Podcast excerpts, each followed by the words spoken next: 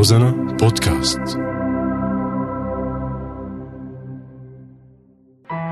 فلتتمهل الحقيقة في اقترابها من القيد الذي أشد به رسغي إلى رسغ الريح. المسرح ثورة. بدي أكتب اسم بلادي على الشمس. الفيلم مجاز. ألحم المشتاق ولا يقولوا بعمر خاين يا خديجة واللون تراكم مشاعر. هي ذاكرتنا ذاكرة بلد معي أنا زوربا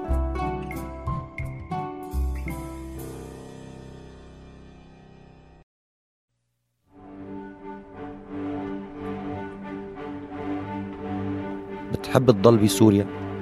بتحب تضل بسوريا؟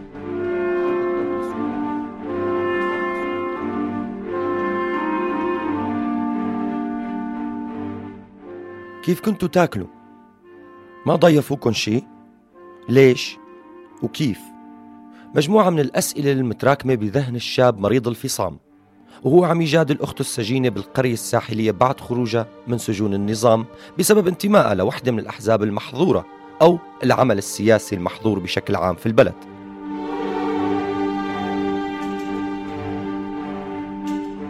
وين جاي؟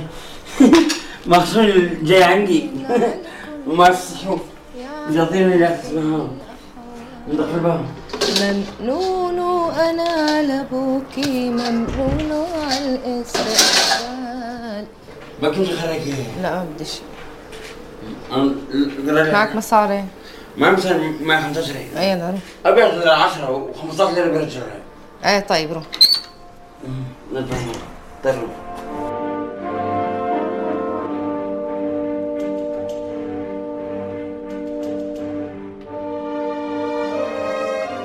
هي يوميات أو لحظات أو تفاصيل عيش ما بين أخ عايش غربة ضمن محيطه بسبب المرض ومن ناحية تانية غربة العائلة. بينما الأخت يلي ضل الخناق ملاحقة حتى بعد خروجها من السجن. وعلاقتهم كعائلة صغيرة بالبحر وبالمحيط والمجتمع والبلد ككل. حتى نهاية الفيلم وخروج السجينة بالوثائق التسجيلي زبد إنتاج عام 2008 للمخرج السوري الشابة ريم علي. تنقشع السماء. اعتبارا من سبعة شهر. من سبع يعني القلب أموره لازم تكون مرتاحة يسقط عن كهلك ثقل كبير كبير. بأي شيء بأي قد محل المشاكل العائلية؟ منا- مح- مكانها حلول وتفاهم.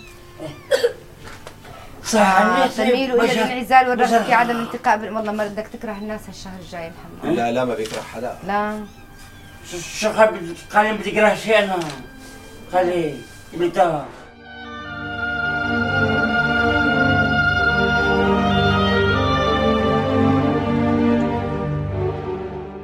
زبد اللي بتناول لمدة 42 دقيقة. العلاقة ما بين سجينة شيوعية سابقة وأخوها اللي بيعاني مرض الفصام بالشخصية. وعلى خلفية هاي العلاقة المادة الفيلمية بكاميرا جود جوراني والمخرجة علي. بتاخد جوانب من الحياة الاجتماعية والدينية بسوريا ما بين سطور المادة. وكمان بتاخدنا لتفاصيل الحياة اليومية للسجينة السابقة. يلي بتختار بنهاية المطاف الهجرة مع بقاء ذكرياتها وروابطها الأسرية والاجتماعية وكل ماضيها ومحاولاتها بالتغيير تجاه الحرية والعيش الأفضل يلي بتضل تلاحقها وبتمنعها من السفر من أول المادة لآخر المادة. كل ما فكرت بالخلاص وإنها بتقدر تنسى ثاني أكسيد السجن.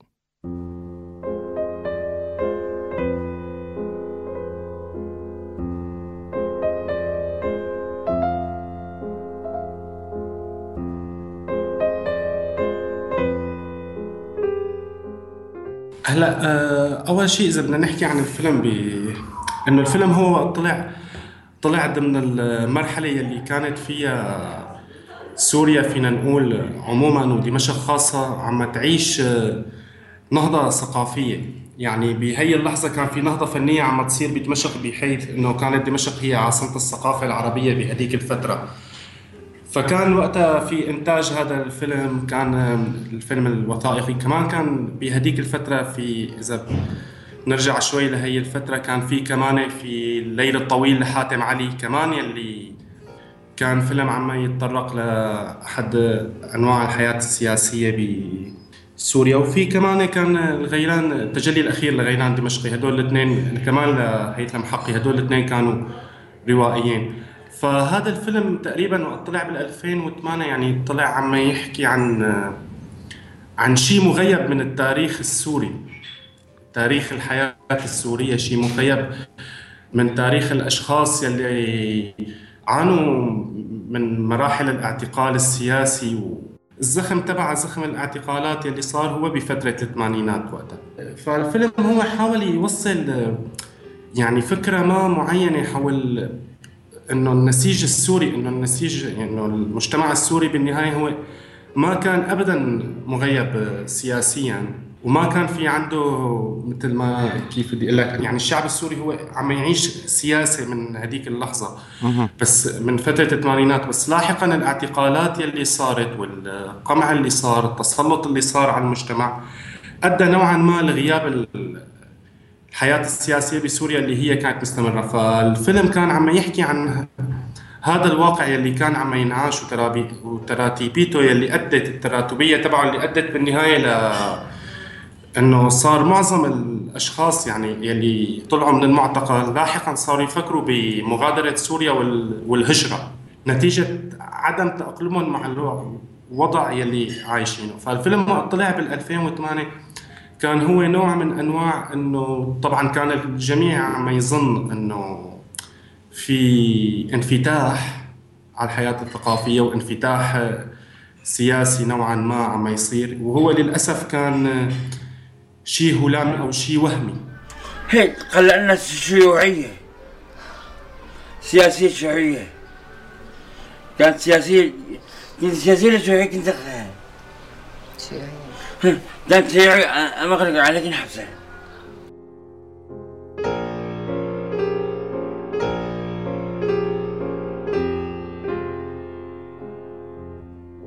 سواء كانت حبيسة جدران وأصوات صوت الجلاد أو ضمن مناخ فيه الصمت أشبه بالجدران والعقاب الدائم بالإضافة لظروف الحياة العصية على العيش. ريم علي مواليد 1969 تخرجت من المعهد العالي للفنون المسرحية. قدمت الكثير من الأعمال التلفزيونية المميزة بجانب بعض الأفلام السينمائية.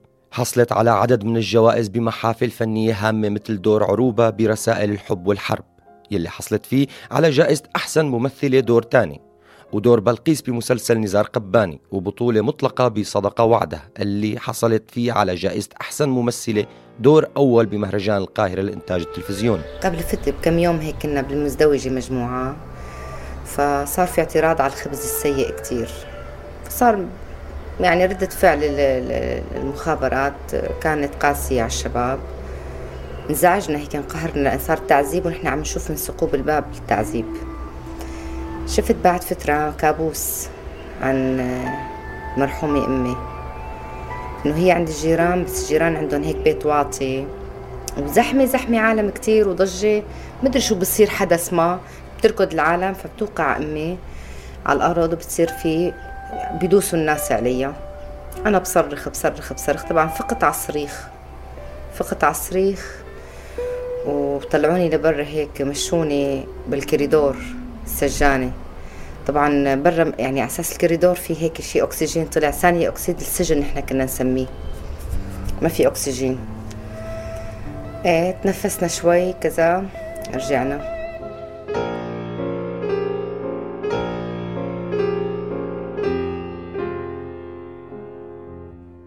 ولكن بزبد بتحاول إكمال مشروعها الفني لجانب التمثيل من خلال إخراج وإيصال أفكارها بالعموم.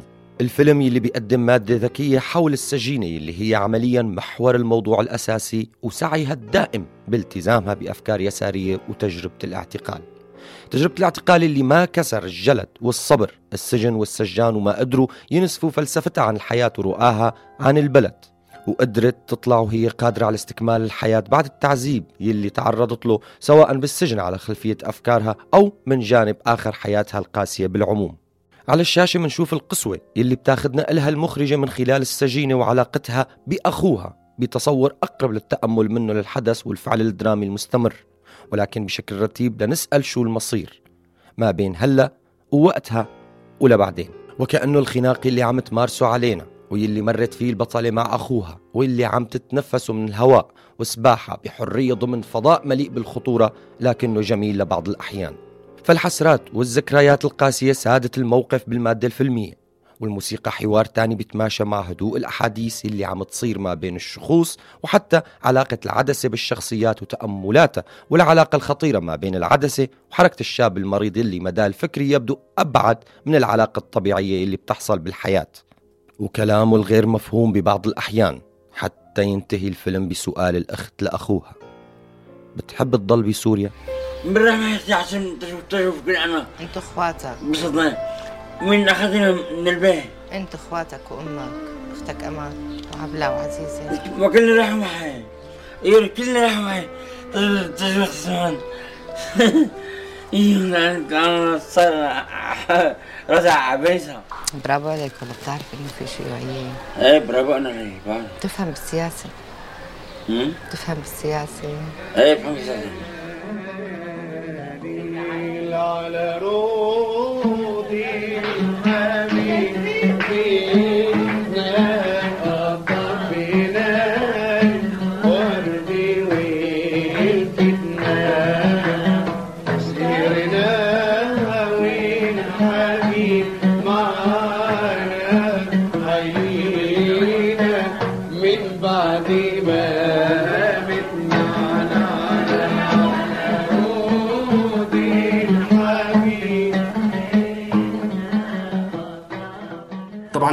الشيء اللي بخلينا نشوف إنه الفيلم كيف انمنع بمهرجان قرطاج بال 2008 معظم اللي انكتب عن حادي عن حادثة المنع حكى انه كان في ضغط آه، من السفير السوري لمنعه. طبعا صح لاحقا إنه برر تونس يعني جهات رسمية بتونس إنه هو ما كان في أي ضغط على منع الفيلم.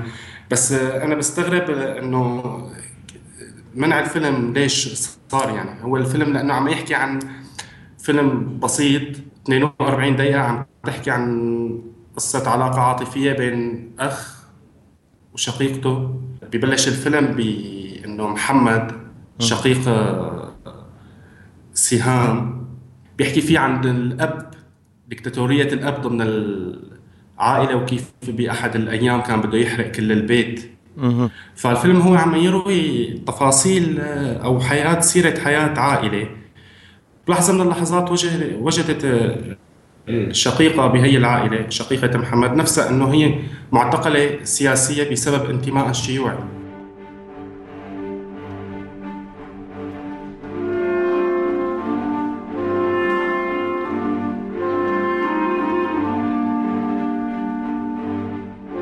هلا أول شيء نحن بسوريا كان أكثر شيء عم نعيشه من مر... بمرحلة الثمانينات هي مرحلة المعارضة لنظام الأسد.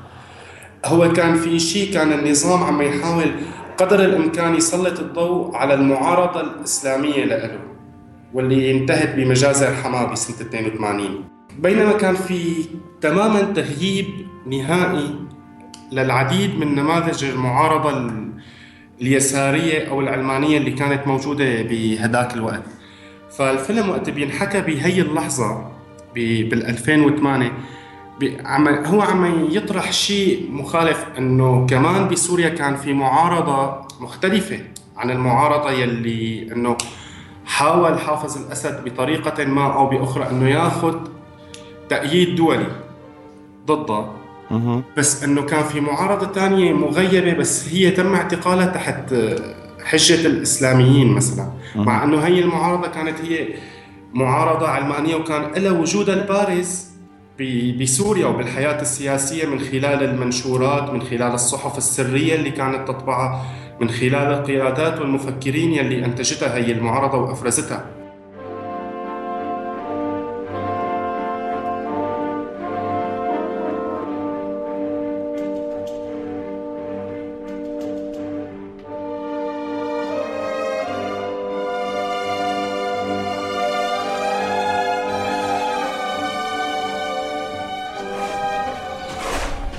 حاسة بوجودي. هون يعني شو ما اشتغلت بحس هيك هباء منثورا شو ما عملت.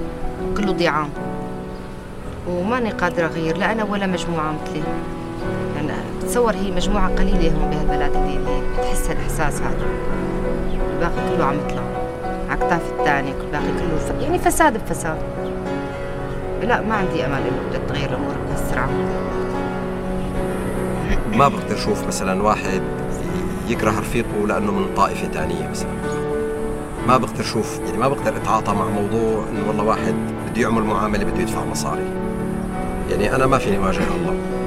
ما بقدر واجهه لأنه له 100 مليون جندي حامل حامل حمى عنه هو أكثر منه. انت ما يعني خليكي معي ما تمسكي بهالقصص السخيفة هون والله خالتي وأختي وأمي لا لا لا أنا يعني هالموضوع هذا محمد امنه محمد بيتأمن وبيلتقى له حالة معينة. شو بتأمل هون قديش غالي فكرة حتى تمشي تمشي مصحة تمشي شغلة مصحة الدولة يموت. يعني هذا الموضوع بالنهاية ما هو اللي بده يوقفنا عن الهجرة.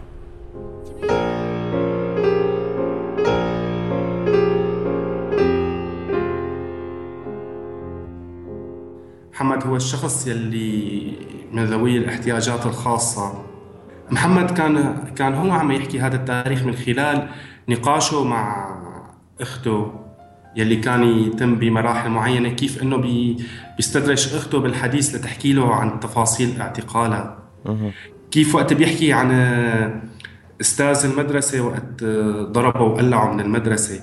فمحمد كان عم يحكي عن هذا العنف يلي كانت عم تعيشه بعض الأشخاص أو مجموعة كبيرة من الأشخاص بهي البيئة. عم يحكي عن العنف والقسوة اللي عاشوه هن ما حسنوا انه ما حسنوا يمنعوه عنهم عم بيحكي مثلا عن الفقدان بيورجينا لمرحلة معينة كيف وقت إنه ما بده أخته تهاجر على كندا باللحظة اللي هي قررت هي وزوجها إنه خلص الهجرة هي المشروع الانسب لبناء حياة أفضل لهم بعد ما عانوا طبعا رغم إنه هن عانوا كثير داخل سوريا من معتقلات وتعذيب وملاحقات بس ما عاد فيهم يعملوا شيء فلازم ليبنوا مستقبلهم لازم يطلعوا لأنه خلص هن بالنهاية مثل ما بيقولوا في على اسمهم إكس الشيء اللي أنا متأكد منه لو كان ما في ظروف عمل مريحة أو لو تعذبنا بالعمل بس اللي متاكد منه أنا تماما إنه فيه شيء اسمه حرية.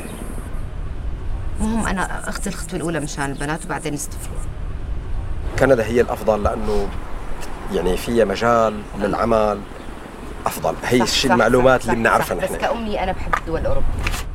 كندا ظروف الحياة فيها أحلى وأضبط في موضوع مشكلة البرد وما البرد يعني نحن ما رح نقعد وانت بالصحراء. الجليدية. بالصحراء الجليدية. لا ما رح نحن بدنا نسافر مع بعضنا لنرتاح كان الواحد فينه يترك الثاني ويروح. ما بدي هاجر. ما بدي ما بدك بدي تهاجري روح. وبدي بدي. كيف أصلا كلهم يكونوا معك بس كلهم أجانب ها بيحكوا أجنبي يعني. يعني ما في هنيك رفقات بيحكوا بس أنت بتصيري الأجنبية.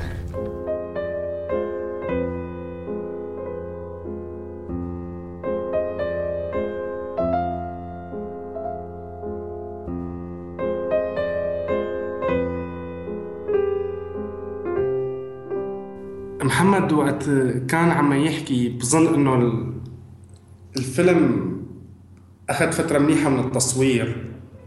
أنا هذا رأيي الشخصي أو هيك بعتقد يعني. بظن إنه الفيلم كان على فترة طويلة عم يتصور وملاحق. محمد كان عم يعيش هي الحالة الملاحقة بالكاميرا. حتى حتى تحسن ريم تاخذ المادة اللي هي كانت عم تبحث عنها بهذا الفيلم. واللي هي تسليط الضوء على محمد كشخص عاش عدة مراحل فقدان بحياته وعدة مراحل اضطهاد.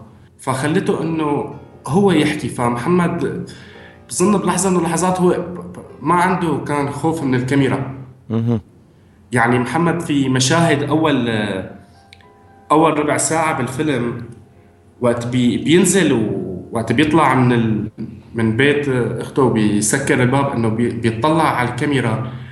بتحس إنه هو كان وصل لمرحلة إنه هو ما عنده خوف من الكاميرا يعني هو بيطلع على الكاميرا و... وبيحكي دون خوف. عم يحكي الشيء يعني محمد كان عم يحكي بهي اللحظة الشيء اللي كان هو بحاجة إنه يحكيه بس ما حدا عم يسمعه. فوجد الكاميرا قدامه وصار يحكي و... وفجأة إنه محمد وقت كان بلحظة من اللحظات ما في حدا عم يسمعه الفيلم خلى إنه أشخاص عديدين يسمعوا لمحمد و... ويسمعوا قصته حابب تضل بسوريا ولا تتركها؟ امم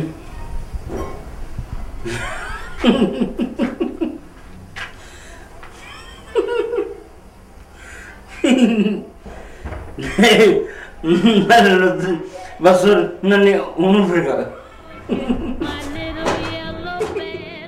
وائل آه نحن أخذنا الوقت كتير آه كتير حابب أتشكرك وطبعا بدي بدنا نوجه تحية مرة ثانية للمخرجة مخرجة الفيلم هي موجودة آه ريم علي. كتير شكرا لك وائل قيس على وجودك معنا بذاكرة بلد.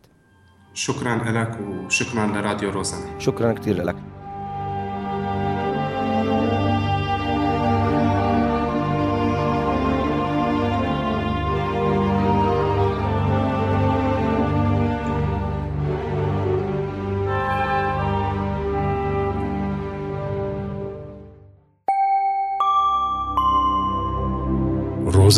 روزانا بودكاست